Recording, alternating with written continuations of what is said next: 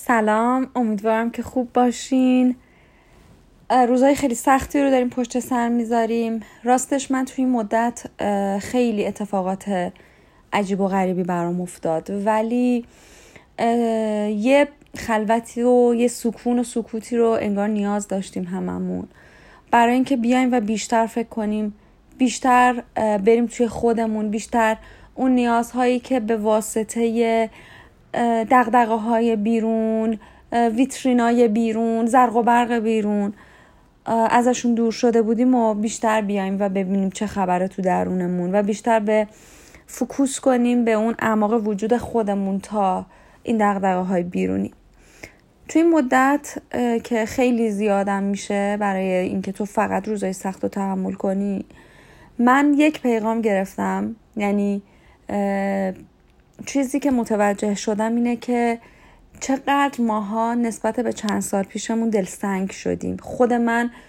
احساس میکنم که دیگه مثل قبل مشکل از کار آدما باز نمیکنم. دیگه مثل قبل پای درد و دلاشون نمیشینم. دیگه مثل قبل همدلی باهاشون نمیکنم. یعنی این بود وجودیم که بیام و احساسات خودم رو درک کنم و احساسات دیگران رو مثل احساسات خودم بدونم خیلی ازش دور شده بودم.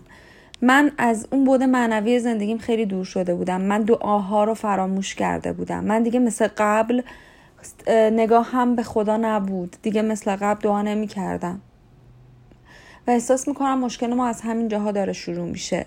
و بعضی وقتا بعضی تلنگرها رو نیاز داریم. برای اینکه بیایم و فکر کنیم ببینیم چه جوری میتونیم به خودمون و دیگران بیشتر کمک کنیم.